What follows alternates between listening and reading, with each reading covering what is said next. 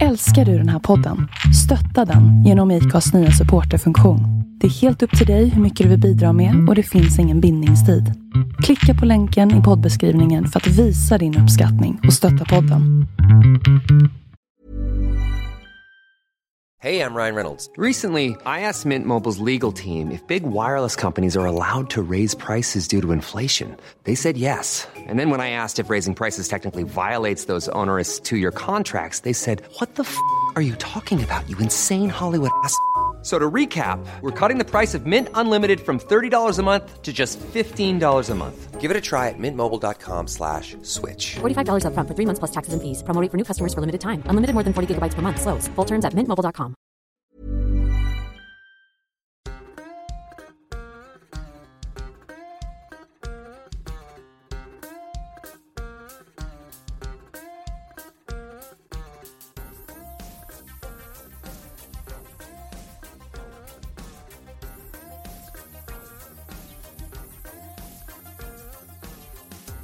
Bra, då säger jag välkommen till Vi måste prata till Katarina Stensson. Och vem är det undrar folk? Hon är partiledare i det som då kan vara det största partiet utanför riksdagen, eh, vad vi vet, Piratpartiet. Välkommen Katarina. Tack så mycket Emil.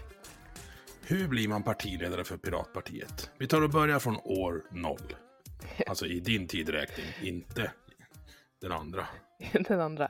Nej, i min tidräkning så år noll är ju då 1988 i andra människors tidräkning. Eh, och eh, då föddes jag i Örebro. Jag eh, har växt upp där eh, med en stor familj, har många syskon. Mm. Och eh, var väl mest en så här, tyst eh, idrottsnörd när jag var liten. Men sen fick jag upp ögonen för, för fysik och vetenskap eh, i sina skolåren och eh, valde sedan att plugga till civilingenjör inom teknisk fysik på KTH. Så, så från jock till nörd om vi ska prata collegefilmer då? Ja, fast jag var nog, var nog aldrig den där eh, jocken heller. Jag var nog inte den så särskilt, eh, jag var nog den lite mer introverta. Men eh, sport var vad jag gjorde på min fritid i alla fall. Introvert sport, vad är det då? Då pratar vi simning eller jumpa eller något sånt? Eller vad pratar vi? Ja, friidrott. Oj. Mest. Ja. Spännande. Yes. Och, och sen fysik. Och sen fysik. Ja, jag fascinerades av, av fysiken när man började komma in på den här lite moderna fysiken. Eh, kärnfysik och vågpartikeldualitet och grejer som man bara fick så här, testa på på gymnasiet. Så kände jag, men det där vill jag. Jag fattar inte, jag vill veta mer, tänkte jag. Så. Du, du har tittat på för många YouTube-klipp med blyskivor med två slits i alltså, är det så? jag har sett många sådana i, Ja, i, i jag misstänkte det. Um, det har jag gjort, yes. Jag fattar ingenting när jag tittar på det, men jag kan inte sluta titta. Jag tycker det där är fascinerande. Ja, vi går inte in på det här, utan det får folk googla och sen får ni tacka mig imorgon när ni inte har sovit på natten. Precis, precis. Så, fysik. Eh, och vad hände sen? Ja, eh, jo, fysik. Så jag pluggade fysik på KTH, började, jag forskade i fysik efter min mm, examen. I kvantoptik heter det, området, så just eh, ganska mycket sånt där blyskivor med två slits i. eh, lasrar och saker. Mm, men jag har varit engagerad eh, under min studietid och efter det också i olika ideella projekt kring eh, jämställdhet i teknikbranschen var det då, sen inom utbildning väldigt mycket. Så det är en sån eh, grundfråga till mig. Och jag har alltid varit politiskt intresserad men inte politiskt engagerad. Men sen så det här supervalåret 2014 då, då kände jag mig rätt förtvivlad av eh, den politiska diskussionen och det var mycket smutskastning och det kändes inte som det var några som hade några visioner eller några konstruktiva idéer kring vilket samhälle vi faktiskt ville skapa.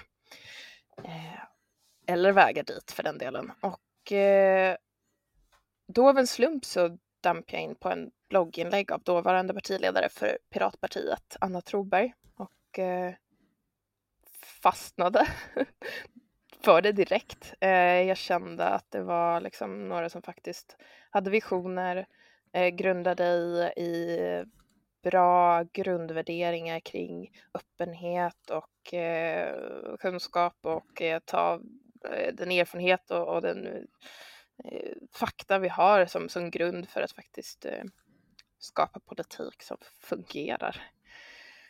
och eh, blev medlem då 2014 direkt och eh, engagerade mig i partiet 2016 och hoppade direkt in i partistyrelsen.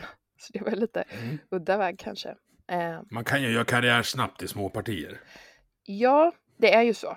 Eh, Och grejen var den att Piratpartiet hade fallit samman lite där efter valet 2014 för då tappade vi våra platser i Europaparlamentet.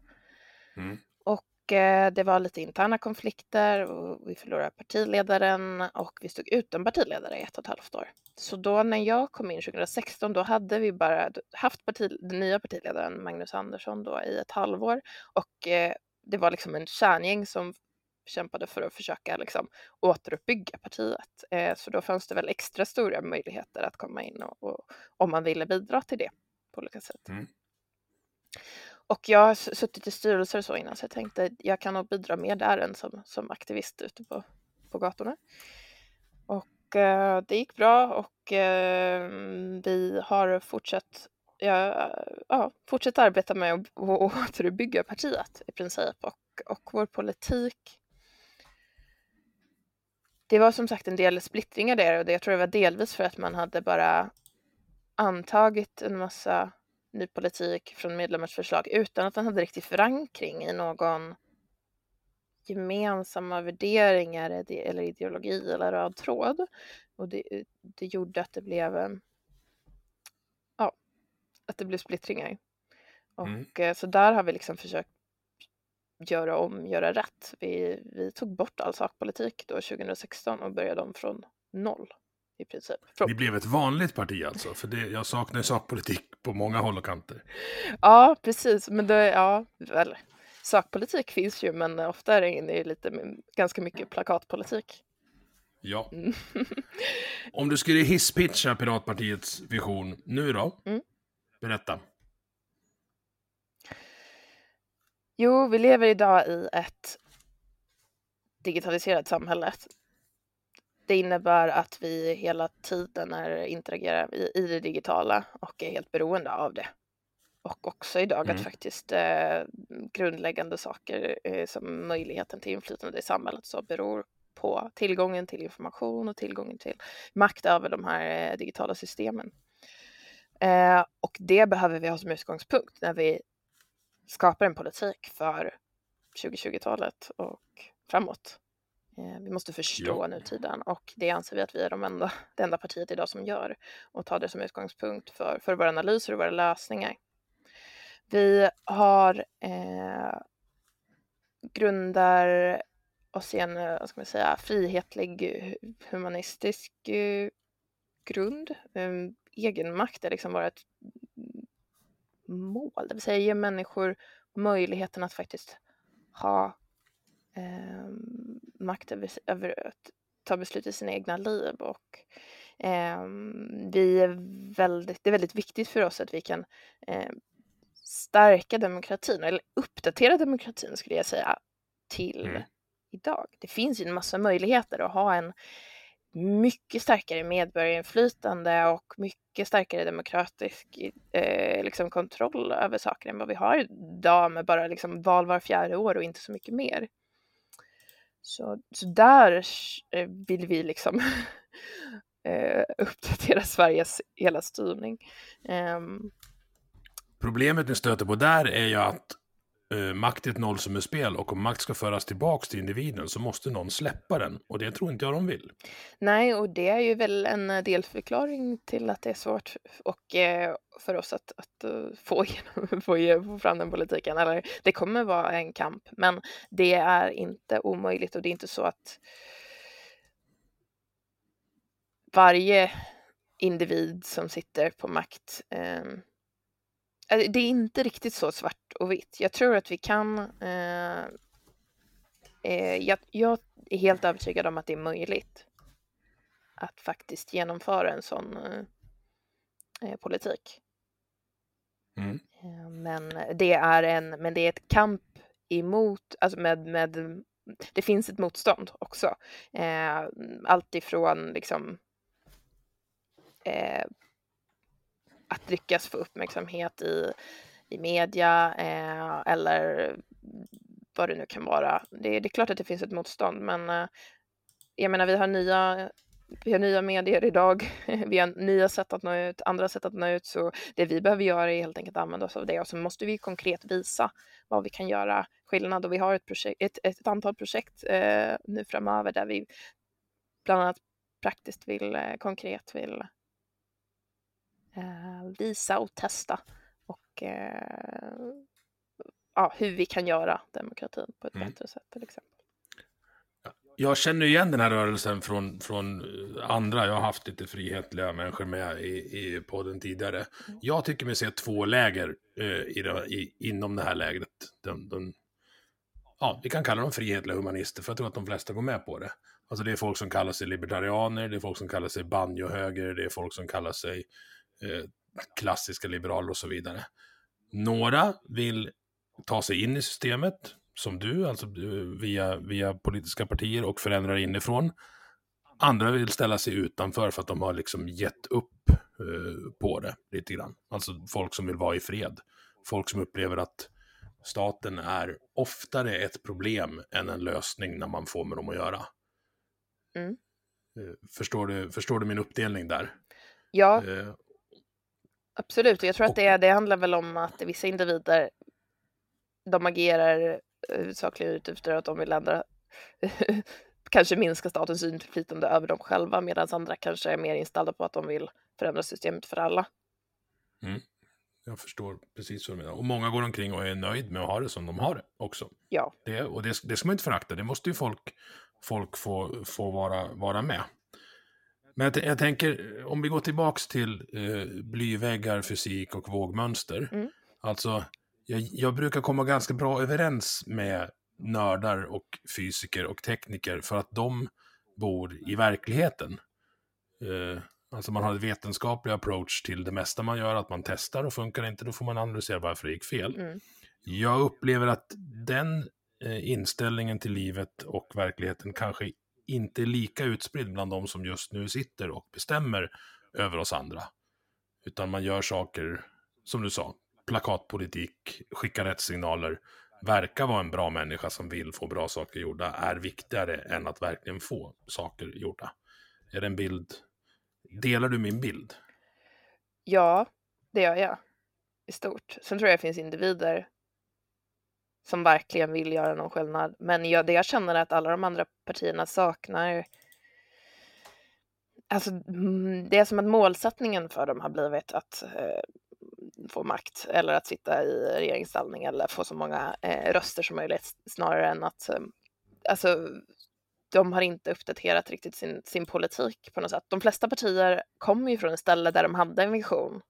Man kollar Socialdemokraterna till, till exempel, när de först kom till makten så hade de ju en vision om folkhemmet och om olika, alltså hur de ville förändra samhället. Sen fick de igenom typ det mesta och nu har de inget, ingen målsättning längre och då blir målsättningen bara att stanna vid makten. Eh, och det, är bara, det blir bara tomt. Då blir det ju bara plakatpolitik för det blir populism. Eh, ja. Om man ska vinna väljare. Vad, vad, är din vetenskapliga fysikeranalys av det då? Jag har en teori, men jag vill, jag vill höra din först. Vad, vad beror detta på? Att de inte har några nya visioner? Ja, eller att, att det här att sitta kvar vid makten har blivit överordnat allt annat. Ja du, det är en bra fråga.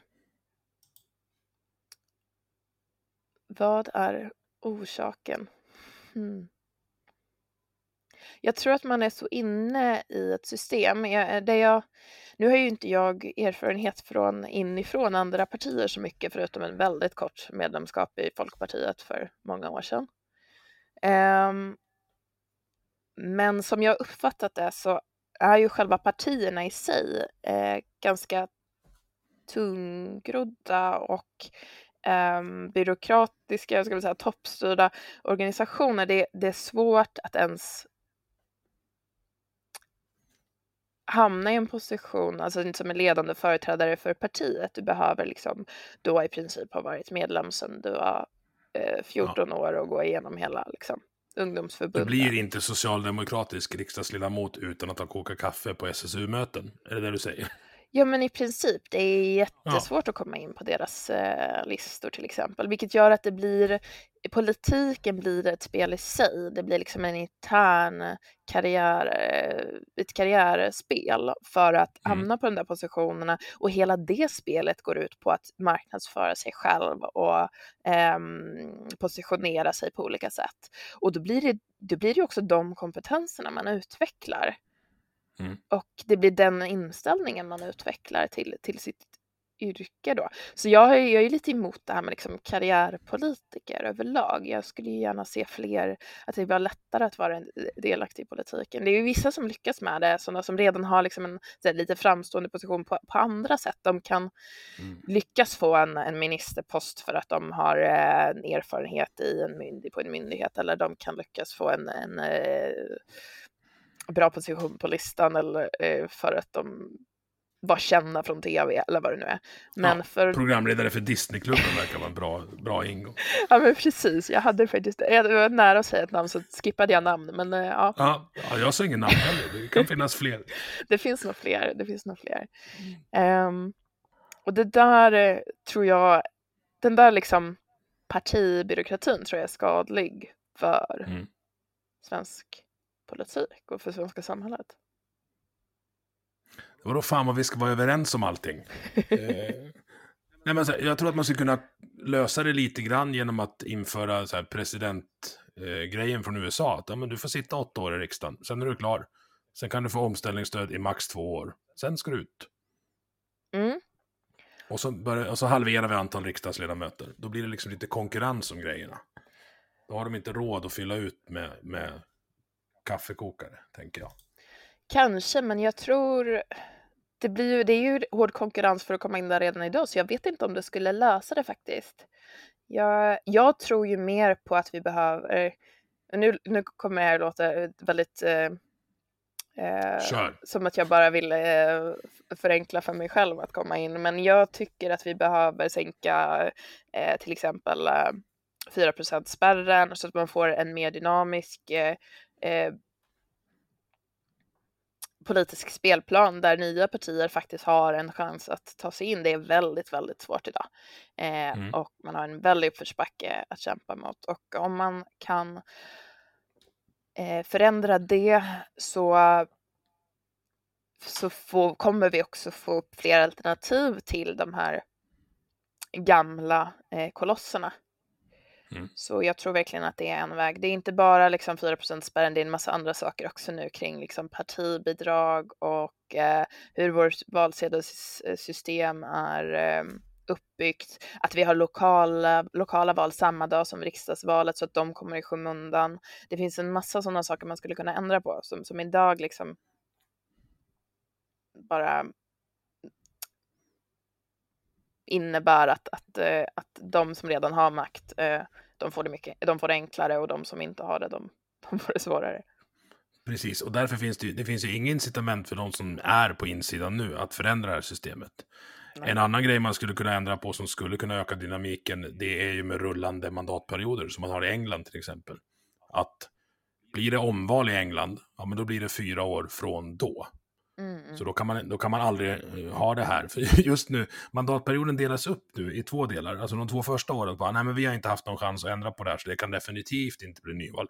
Och de två sista åren, vi kan inte ha nyval så här nära på ett riksdagsval, det går inte. Mm. Så den är, liksom, den är off the table. Nu får vi se hur det blir. Det verkar ju kunna bli en stökig eh, regeringsbildning även den här vändan. Vi får se hur mycket kakor det blir.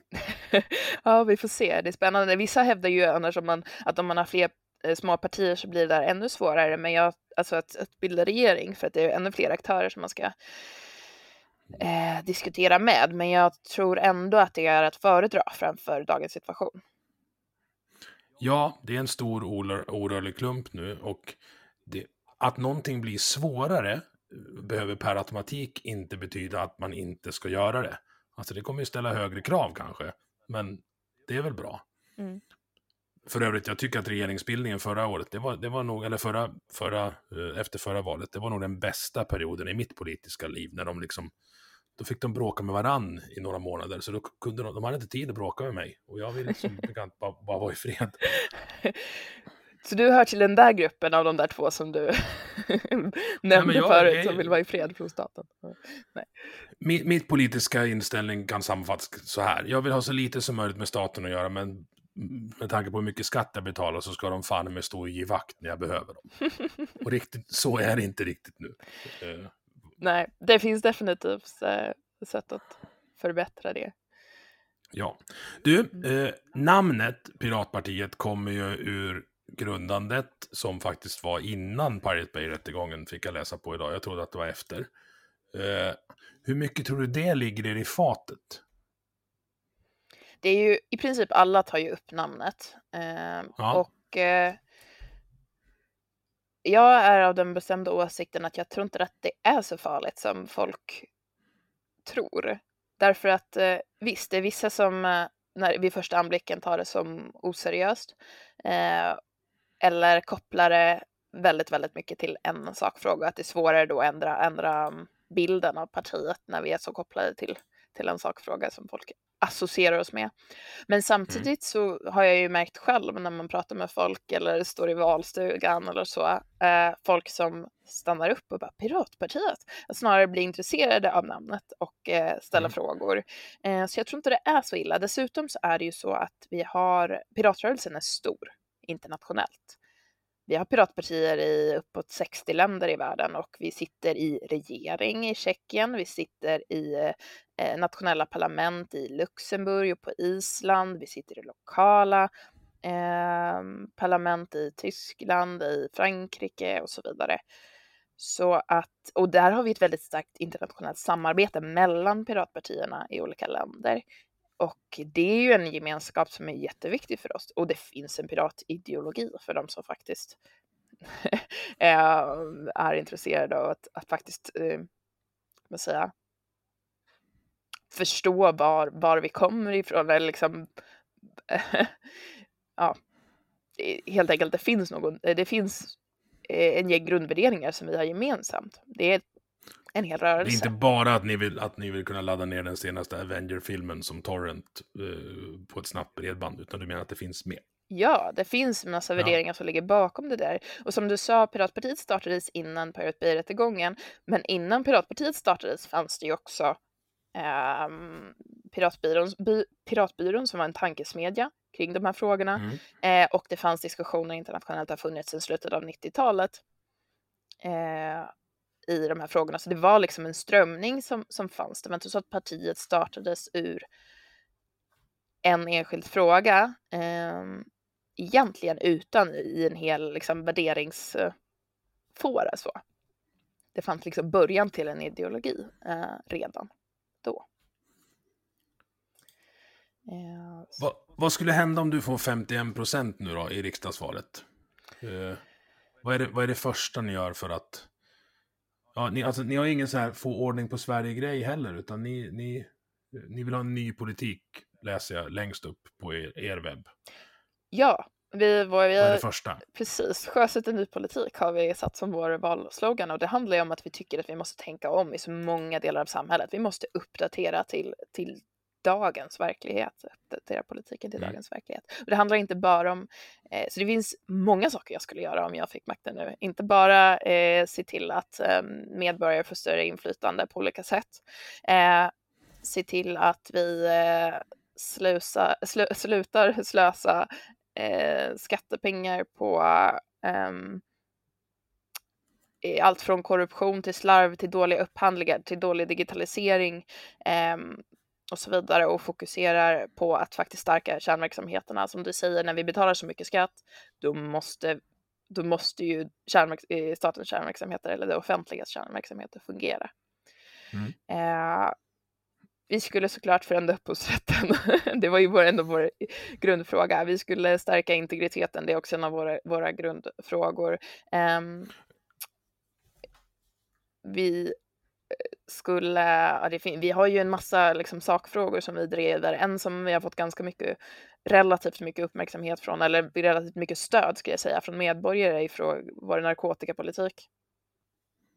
Jag tycker att Ja, det är okej. eh, ja, väldigt Eh, ja, men vi behöver ändra vår nollvision mot narkotika till en nollvision mot dödsfall. Eh, jag menar, Mm. om man kollar bara inom eh, trafiken, vi har ju nollvision mot eh, liksom, dödsfall i trafiken, men inte noll mot, nollvision mot bilar. Nej, precis. Ja. Eh, Ja, och det lyssnade på mig innan, för det brukar jag säga också. Och så när man pratar med, med, med poliser om, om eventuellt eh, ändra svensk drogpolitik. Ja, men du vet, du ska bara se de grejerna jag får se. Jo, men det är som att prata med bärgningsbilsförare om bilar. Alltså, Ja. du får ju bara se skiten. Mm. Ja men verkligen och så handlar det om att kunna försöka förebygga skiten också.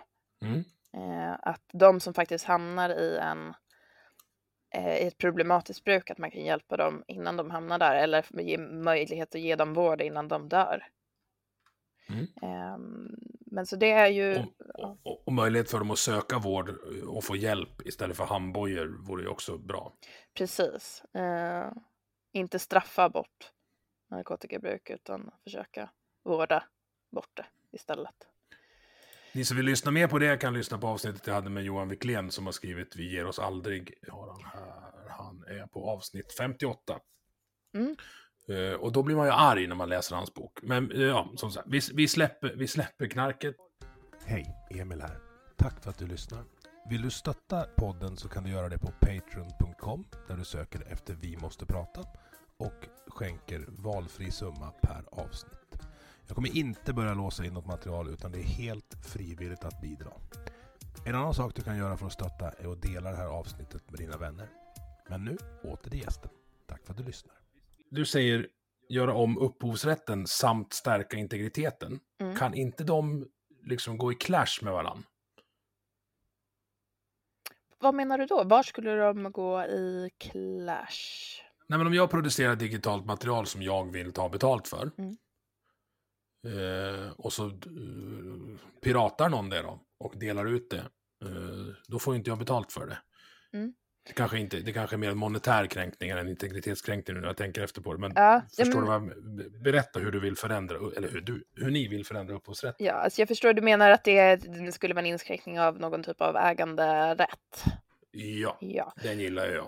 ja eh, och det, okej, jag kan börja med att förklara konkret vad vi skulle vilja göra för förändringar. Det vi, det vi vill göra är att eh, förkorta den kommersiella upphovsrätten till max 20 år. Idag så eh, ligger den på livstid plus 75 år tror jag. Så att vi har storbolag, skivbolag och, och, och filmbolag som utnyttjar, eh, ja, men som tjänar pengar på eh, kreatörer långt efter deras död. Och det är ju ingen eh, sjuksköterska som får lön 75 år efter deras död. Så det är ju Nej, helt... nej det är, de får knappt lön idag. Ja så men det, precis, så varför ska kultur... Det är klart att kulturskapare ska ha, få någonting för deras arbete, men man måste fråga sig rimligheten kring dagens lagstiftning. Ja, eh, såld, det fick mig. Ja, så det är ett steg. Sen så vill vi ju legalisera icke-kommersiell fildelning. Ehm, eh, och eh, det handlar ju, och, och, och där tycker jag det är viktigt att man kollar på faktan. Om vi går tillbaka till vetenskap. Mm, den kunskap bra. vi har om effekterna av fildelning. Och där har det gjorts eh, studier, bland annat på, eh, av EU ehm, på Europanivå kring effekten av, av illegal nedladdning av film, tror jag det var i det fallet, eh, den studien. Och där kunde man se att det hade enbart positiva effekter för mindre kulturskapare, därför att det fungerar som eh, marknadsföring, gratis marknadsföring. Mm. Eh, och det finns ju fler eh, eh, det finns ju fler inkomstkällor och det är också så att bara för att det går att ladda ner så är det inte säkert att någon väljer att inte betala eh, för det utan man gör oftast både och faktiskt. De, de största ehm, eh, kan man säga, de som, de som fildelar mest är också de största lagliga kulturkonsumenterna. Kan man se. Precis, för det, det, det läste jag också i någon undersökning tidigt, alltså tidigt 2000-tal. Mm. Att de som laddade ner mest film, då var det ju Napster med, och, och Kassa och de här virusfarmarna. Mm. Men alltså de som laddade ner mest var ju tydligen de som gick på bio oftast också. Så det där verkar ju hålla över tid. Ja, och det, och det stämmer idag när vi har en massa streamingtjänster till exempel.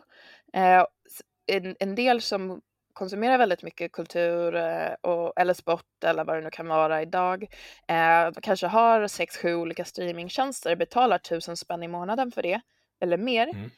Men så finns ändå inte den där filmen eller de kan ändå inte se den där matchen trots att de liksom vill göra rätt för sig och då hittar man ett annat sätt i de fallen. Mm. Ehm, så det är liksom den vanligaste fildelaren idag, eller man säga, olagliga. ehm, det är den här upphovsrättsbrottslingen eh, eh som eh, staten tycker att den är.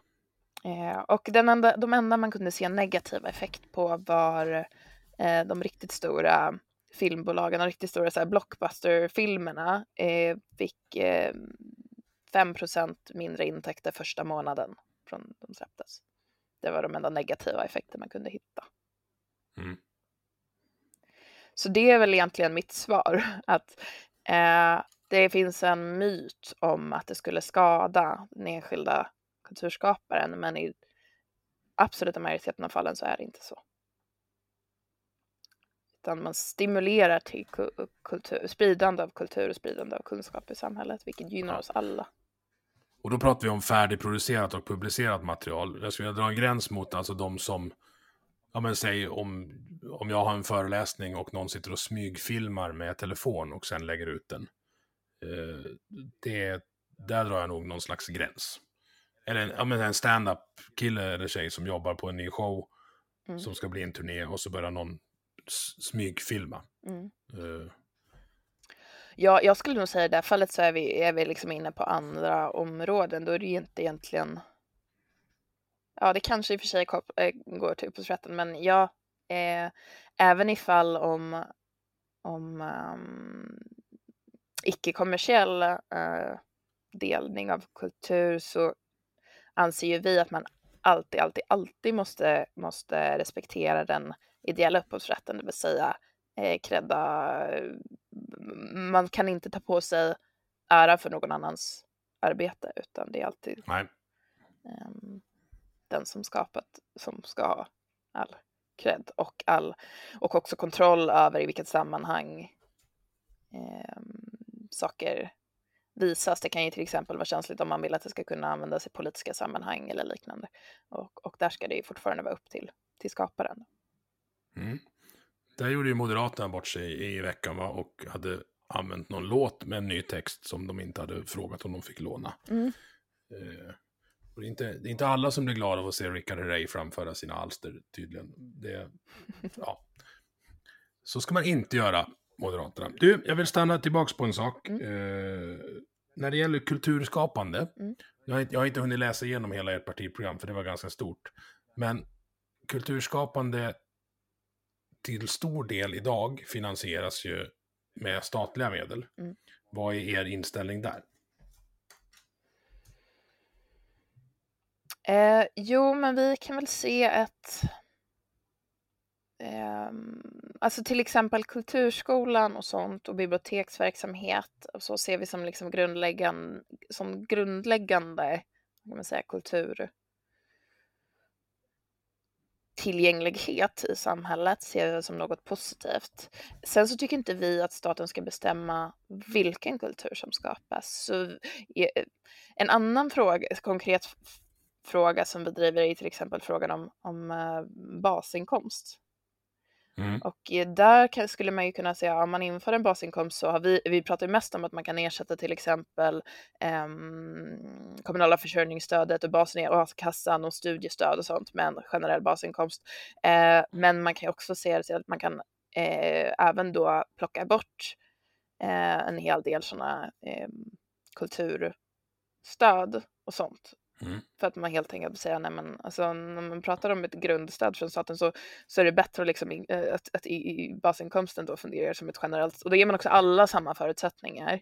Inte att staten ska stå och bestämma vilken kultur som ska vara okej och vilken som inte ska vara det, utan då har Mm. ehm, alla någon sorts grundstöd att kunna skapa, om det så handlar om att skapa kultur eller eh, möjliggöra företagande eller utbildning eller eh, ja, när det gäller basinkomsten som sagt eh, kunna komma tillbaka i arbete eller vad det nu kan vara. Vilken nivå skulle en sån basinkomst ligga på, tänkte du? Då brukar vi prata om eh, eh, någonstans runt liksom det som man ser som existensminimum. Ungefär där eh, studiestödet ligger idag. Eh, runt, mm, vi har pratat om 9-10 000. Ja. Eh, Vad skulle behöver- hindra mig då att bosätta mig i Thailand och leva jättegott på de 9-10 000? Ja, det är det är väl inget eh, konkret. Alltså, det, det beror på hur man utformar eh, lagstiftningen. Eh, men Jag kan, jag kan förstå tankarna bakom det. Jag, jag tycker det är ett berömvärt, men jag, jag tror att det blir svårt att, att få, få att fungera i kombination med att betala folk för att inte jobba. Vet jag inte om det är så bra. Och så ska vi komma ihåg att vi bor i ett land där systemen missade att vi gav försörjningsstöd till Iraks försvarsminister. Så jag, jag Mm. litar inte jättemycket på att staten ska kunna hålla koll, eh, koll på det här. Men eh, du kan få sälja in det till mig om du vill. Nej, det är lugnt. Kör på. Tanken är att staten inte ska hålla koll. Det är just det som är grejen. Att det är ett automatiskt stöd som, att vi, som ska minska statens inne detaljstyre i vem som ska göra exakt vad. Utan tanken är att det ska ligga på en så låg nivå att du inte du inte kan leva bekvämt på det. Du kan leva på, överleva på det, men du inte kan leva eh, bekvämt eh, på det. Mm. Och eh, eh, nu står min unge här och knackar på dörren. Ja, ja. Svara ungen. Ja, nej, det är ingen fara. Ehm, men eh, och där kan man också, där behöver vi liksom en förändrad, det är inte så att vi vill att folk ska sluta arbeta, de allra flesta kommer fortsätta arbeta. Några kommer välja att eh, leva enkelt på något billigt ställe ute på landsbygden, eh, men det är väldigt få som kommer då ligga på sofflocket och inte göra någonting. Folk kanske väljer att liksom eh, bosätta sig med och ge vård till sin sjuka mormor. Och då har vi en eh, mormor mindre som behöver sitta ensam på ett ålderdomshem och vi sparar pengar där istället. Eh, Mm. Någon annan kanske väljer att eh, ja, eh, leva enkelt och skapa kultur. Och då har vi människor som drar nytta av den eh, kulturen och vi sparar in pengar på att den personen inte får något annat typ av kulturstöd. Ehm, Så att det är ju, och är dessutom eh, möjliggör den här omställningen i samhället som vi behöver för att vi har en, en arbetsmarknad i förändring, vi har en industri i förändring, förändring, vi har liksom omställning av hela hela industrin med automatisering och så vidare. Vi har nya kompetenser som behövs. Vi behövs, måste se till att människor kan vidareutbilda sig. Vi måste se till att folk kan starta företag, utnyttja nya innovationer. Eh, vi måste se till att folk kan skapa tjänster som liksom kommer till nytta för allmänheten och vi förenklar det genom att ha en automatisk basinkomst som betalas ut till personer som inte har en eh, inkomst. Eh, Och sen räknas det av då när de börjar tjäna pengar, eller hur tänker du att det ska... Eh, menar du att de skulle betala tillbaka eller menar du att, de, Nej, nej, nej. att man får att färre, de, alltså, mindre? ja, Ja, precis. Så, så, så det vi ser oss, för, som igen, för oss är det viktigt att det är realistiskt genomförbart. Eh, och eh, då behöv, kan man inte ha en basinkomst som automatiskt betalas ut till alla i samhället, för det har vi helt enkelt inte råd med. Utan Nej. det man får kolla då är vilka som har en inkomst eh, och vilka som inte har det och de som inte har det får en basinkomst utbetald. De som har en mindre inkomst kanske får en del av basinkomsten utbetald så att man har en avtrappning. Idag har vi ju så att eh, om du lever på bidrag får möjlighet att ta ett jobb, men det är ett deltidsjobb, du får bara en liten inkomst och hela den, den, in, den delen av inkomsten som, som, som då, då skulle, alltså den lika stor del som du då får i lön tas bort av ditt bidrag så det lönar sig inte att börja arbeta. Nej, och det är, det är, alltså det är, ursäkta uttrycket, men det är verkligen ett skitsystem. Alltså jag Mhm. förstår inte hur man kan stå och försvara de här eh, grejerna. Precis. Eh, håller med dig till 100 procent. Och det kallas ju för marginaleffekt och det är det vi vill undvika. Eh, så vi vill ha en minskad marginaleffekt, det vill säga att, att du, mm, om du säger att du får ett litet deltidsjobb så du tjänar in eh, 3000, då går typ 1000 i skatt och så får du 1000 i avtrappning av ditt basinkomst och då har du fortfarande tjänat 1000 mer än vad du skulle ha gjort om du inte tog jobbet. Så att vi har en, en, en, avtrappning istället för en eh, hundraprocentig minskning av, av det här i förhållande till din tillskott i lön.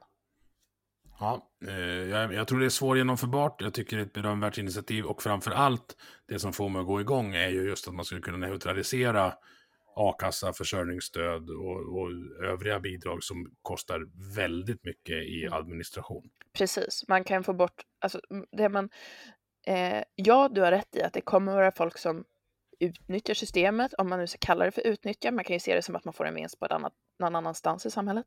Eh, men man tjänar också pengar, alltså man, man sparar pengar på att man får minskad byråkrati. Större del av det, den, de pengarna som man ändå skulle betalat ut går till folk som faktiskt behöver det eller går till folks möjlighet att komma tillbaka till arbete eller bli friska från en sjukdom eller vad det kan vara istället för att de går till administratörer och byråkrater som ska sitta och dessutom besluta om hur mycket pengar du ska få baserat på vad du har i ditt kylskåp och annan integritetskränkande verksamhet. Jag sitter och smygtittar lite på valmanifestet här, Mm. det jag inte hade underläst. Eh, jag fastnar på sjukvården och det är bra för jag ville prata om en sak när vi pratar om att vi, vi håller på att digitalisera, men vi är ganska dåliga på det. Mm. Eh, de faxar journaler 2022. Japp. För att, för att det, är, det är inte säkert att skicka dem digitalt mellan olika sjukhus. Mm. Och bara så här, vet ni hur lätt det är att avlyssna en kopparkabel? Alltså, Mm. ni ja, eh, Ja, och det där är ju jätte... Alltså det är ju så dumt. Alltså den, den integritetslagstiftning vi har idag, på vissa ställen så skiter man fullständigt i det och gör saker som är, är väldigt integritetskränkande och på andra ställen så övertolkar man den, ofta inom vården, eller feltolkar eller gör på ett sätt, ja men är rädd för att göra fel så då gör man inget alls. Ehm, så, att det blir, så att det blir fel istället. Och det är ju det typiska fallet. Oftast hävdar de att de gör det där av integritetsskäl. Men det handlar ju bara då om att man har dåliga system. Ja. Digitala system som inte är säkra och inte användarvänliga.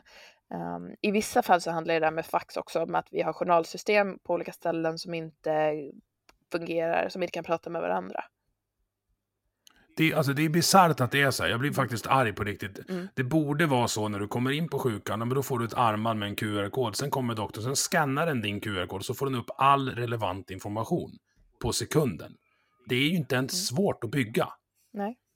Nej, precis. Och det där tycker jag är viktigt. Du säger en sak där. Jag, oavsett om QR-kod vet jag inte om det är bästa, men det bör i alla fall vara du. Vi anser att det är du som individ som bör vara ansvarig eller ha ansvarig för. Du bör ha kontroll över, över din eh, journaldata eller vem, vem som ska få tillgång till den. Så att på något Ja. sätt bör man ha ett system där du kan ge tillgång till de som du, du anser behöver tillgång till.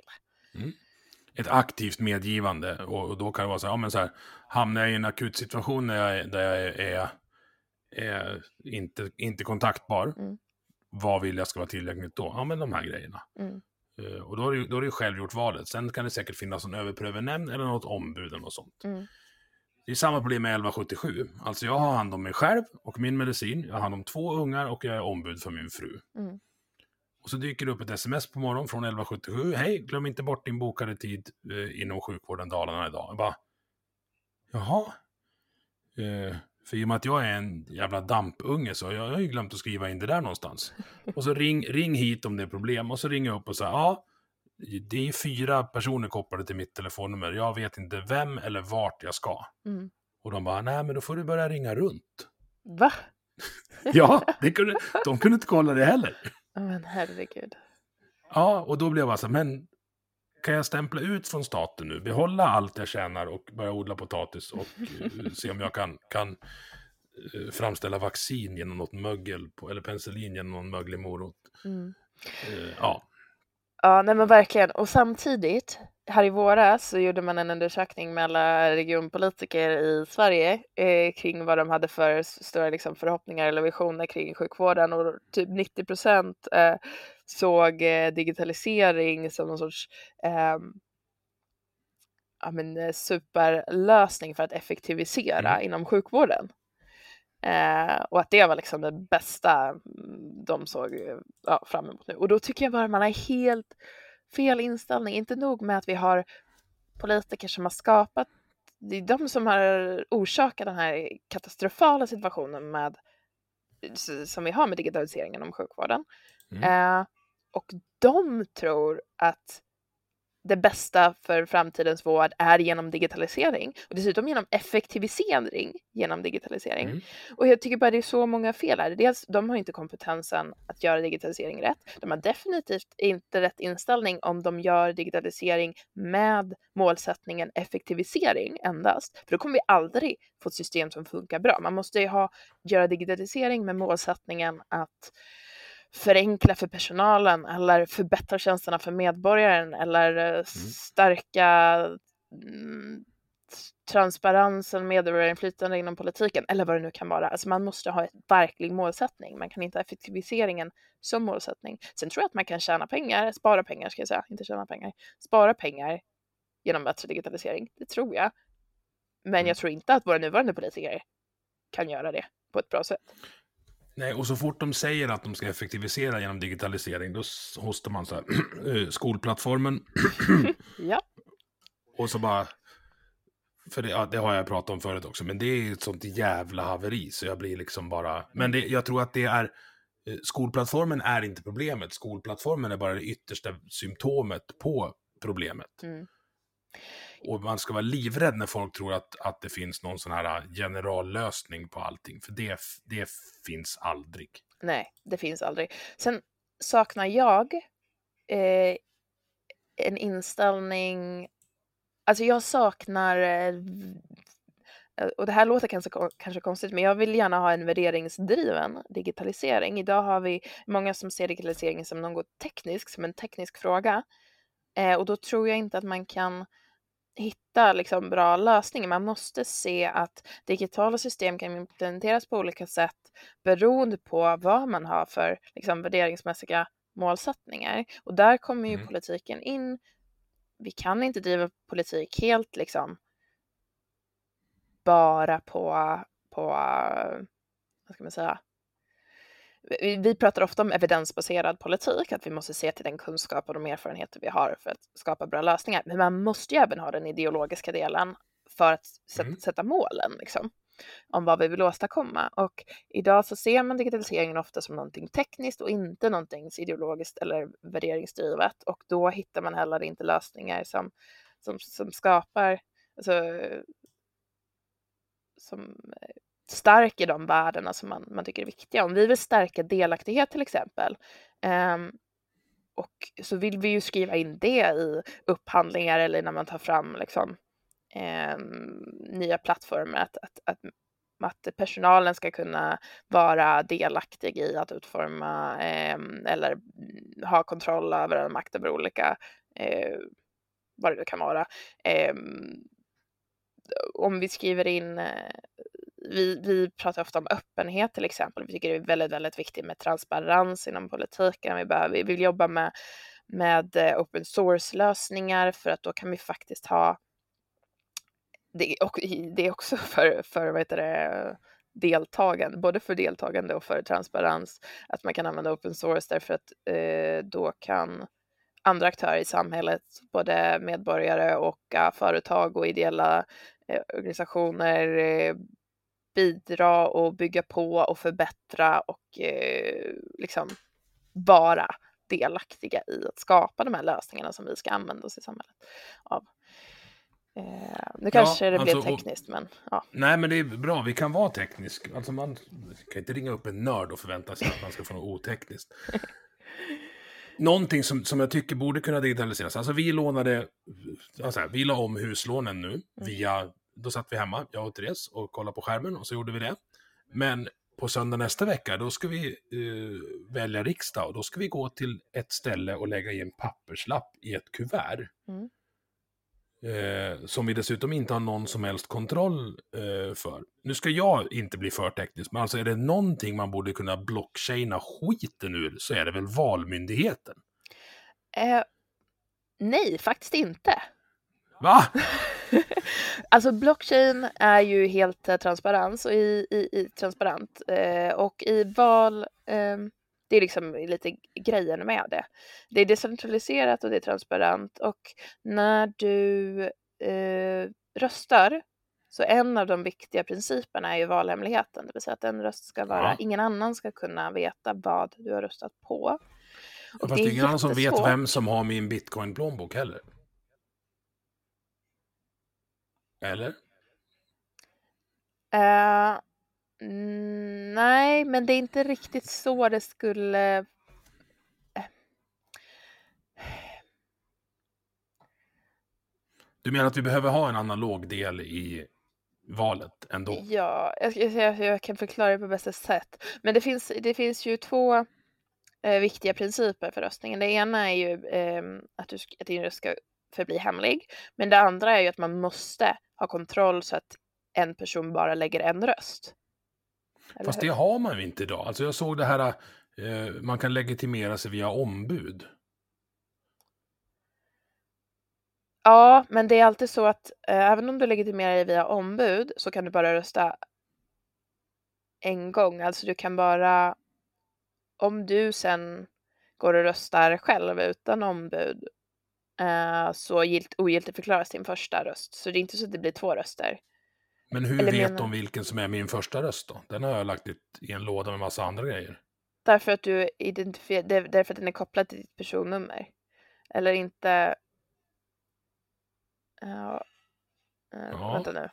Okej, jag vet inte hur det är exakt uh, sköts. Vänta, måste tänka.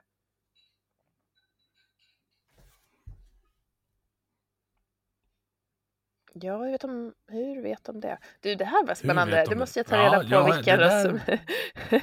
hur de tar bort Jag vilka får röster ringa någon valmyndighetsperson. eh, Mm. Och jag kommer inte redigera pausen, varken åt något håll. Men du fick tänka. Jag, tyck, jag tycker det är konstigt. För alltså det, skulle, det skulle kunna så här. Säg att jag är en illvillig jävla människa som vet, eh, som bor på ett demens, eller som jobbar på ett demensboende. Mm. Jag kan bara plocka ihop personnummer och åka runt och rösta via ombud på fyra olika ställen åt de här fyra olika människorna som jag vet inte kommer ta sig ur sängen och rösta. Eh, ja, det är en reell risk idag, men den kommer ju finnas oavsett vilket system vi har. Eh, och det är ju en risk som man kommer åt på andra sätt. Det är såklart helt oacceptabelt, men det kommer ju inte göra någon skillnad om vi har ett digitalt eller analogt system. Det blir snarare lättare om vi har ett digitalt system, för du behöver inte ens åka till en... Nej, precis. Du kan springa omkring och bank-id dem. Ja. Ja, precis. Så du löser inte den problemet med det. Men rent Sen tror jag att det är en sån försvinnande del. Vi är 10 miljoner röstberättigade nästan. Alltså det är, du ska, du ska eh, dunka på bra om du ska få... Eh, jag satt och räknade på det här. Alltså du måste ju ha 10 000 röster för att få 1 procent så att du blir tagen på allvar av Valmyndigheten. Mm. Eller förra riksdagsvalet var det 7188 och ni nådde, ni nådde inte upp till det. Eh, Men det pratade vi om innan, alltså det här med trösklarna för att ta sig in Mm. är li, lite för höga för att få en dynamisk närvaro, eller dynamisk... Eh, politisk eh, arena. ja, bra ordval. Mm. Eh, tror du, är, alltså, är det här ett ideologiskt projekt för dig som gör att du får komma ut och prata om det? Eller tror du att eh, ni ska kunna dubbla valresultatet, ert bästa valresultat, komma över en procent och liksom bli, bli en aktör? Ja, det tror jag. Jag är, jag, är, jag, jag, jag är helt övertygad om att vi kommer komma dit. Frågan är ju när. Jag, jag inte tror väl att det, blir, det kan bli svårt i det här valet. Um, än så länge så har de inte särredovisat oss eh, i opinionsmätningarna. Ehm, men ja, det jag kan säga, jag som ser inifrån partiet, är ju vilken positiv eh, riktning vi har som organisation. Eh, Mm. Och och eh, det är eh, vi är så mycket bättre liksom, situation i den här valrörelsen än vad vi var i förra riksdagsvalrörelsen. Så jag är helt övertygad om att vi kommer stärka vårt resultat ordentligt jämfört med då. Utan att dra några paralleller i övrigt, jag såg att eh, Ilan Sadeh från Med publicerade någon undersökning nu om hur många av de olika partiernas röster som skulle rösta på dem om de trodde att de var i närheten av 4%-spärren. Och det mm. var ganska många. Så den där 4%-spärren är, ja, ja, ja den borde bort. Ja. Men jag tror inte att den kommer komma bort, för de som är på insidan är så väldigt nöjd över att slippa dig. Ja, nej, jag tror inte att den kommer komma bort innan vi har kommit in i riksdagen. Jag tror vi nej. kommer behöva komma in för att kunna förändra den. Eh, men jag tror att vi kan komma över den eh, tröskeln. Det gör jag. Eh, det, annars skulle jag inte göra det här. Ja, jag sitter här och är lite så här, av de partiförespråkare, eller för parti, vad heter det? Jag är så trött. Av de partisterna, partiledare och aktiva eh, politiker jag haft med i podden så är det väl förmodligen det jag har hållit med om mest. Vilket jag inte riktigt trodde när vi skulle börja prata. Inte? Eh, så jag kanske är pirat. Jag ska börja hal halta och... Nej, men alltså det, jag tycker det har varit väldigt spännande att höra på dina idéer. Jag tycker att du har väldigt mycket rätt. Jag sitter här och är lite perplex. Mm. ja, men vi behöver eh, allt stöd vi kan få för att växa. Det är liksom det som är för att ta oss förbi de här eh, hindren som vi har i form av det formella valsystemet och i form av att vi har eh, folk i maktpositioner som helst inte vill se att vi får makt. Eh, vårt sätt att ta oss förbi det är ju genom att människor som sympatiserar med oss aktiverar sig och eh, blir en del av partiet, blir en del av rörelsen, visar sitt stöd, eh, visar sitt engagemang, är med och vi, vi är ett väldigt medlemsdrivet parti, att våra medlemmar är med och verkligen utvecklar vår politik eh, och eh, för fram den. Så att det är ju liksom, det är så vi kan växa, det är genom att engagera människor. Ja, det var kanske ja, självklart, men... Nej, men det, det, var, det var bra sagt och en bra avslutning och det ska bli väldigt spännande att följa vart ni tar vägen. Jag ska följa det lite närmare nu efter att jag fått prata med dig. Ja, men tack. Det var jättekul att snacka med dig. Bra, bra frågor, bra, bra diskussion.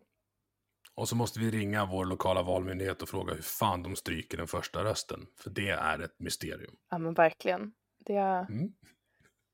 det, det får vi höra som senare och presentera ett helt, en hel poddavsnitt kanske om hur den första rösten stryks. Absolut. Tack så mycket Katarina. Tack själv Emil. Du har lyssnat på Vi måste prata som produceras av mig, Emil Nilsson. Tycker du om det du hörde? Dela avsnittet med dina vänner och på sociala medier. Vill du stötta podden kan du göra det via Patreon där du hittar den på patreon.com snedstreck vi måste prata i ett ord. Eller så swishar du en slant till nummer 123 671 46 79. Vi hörs!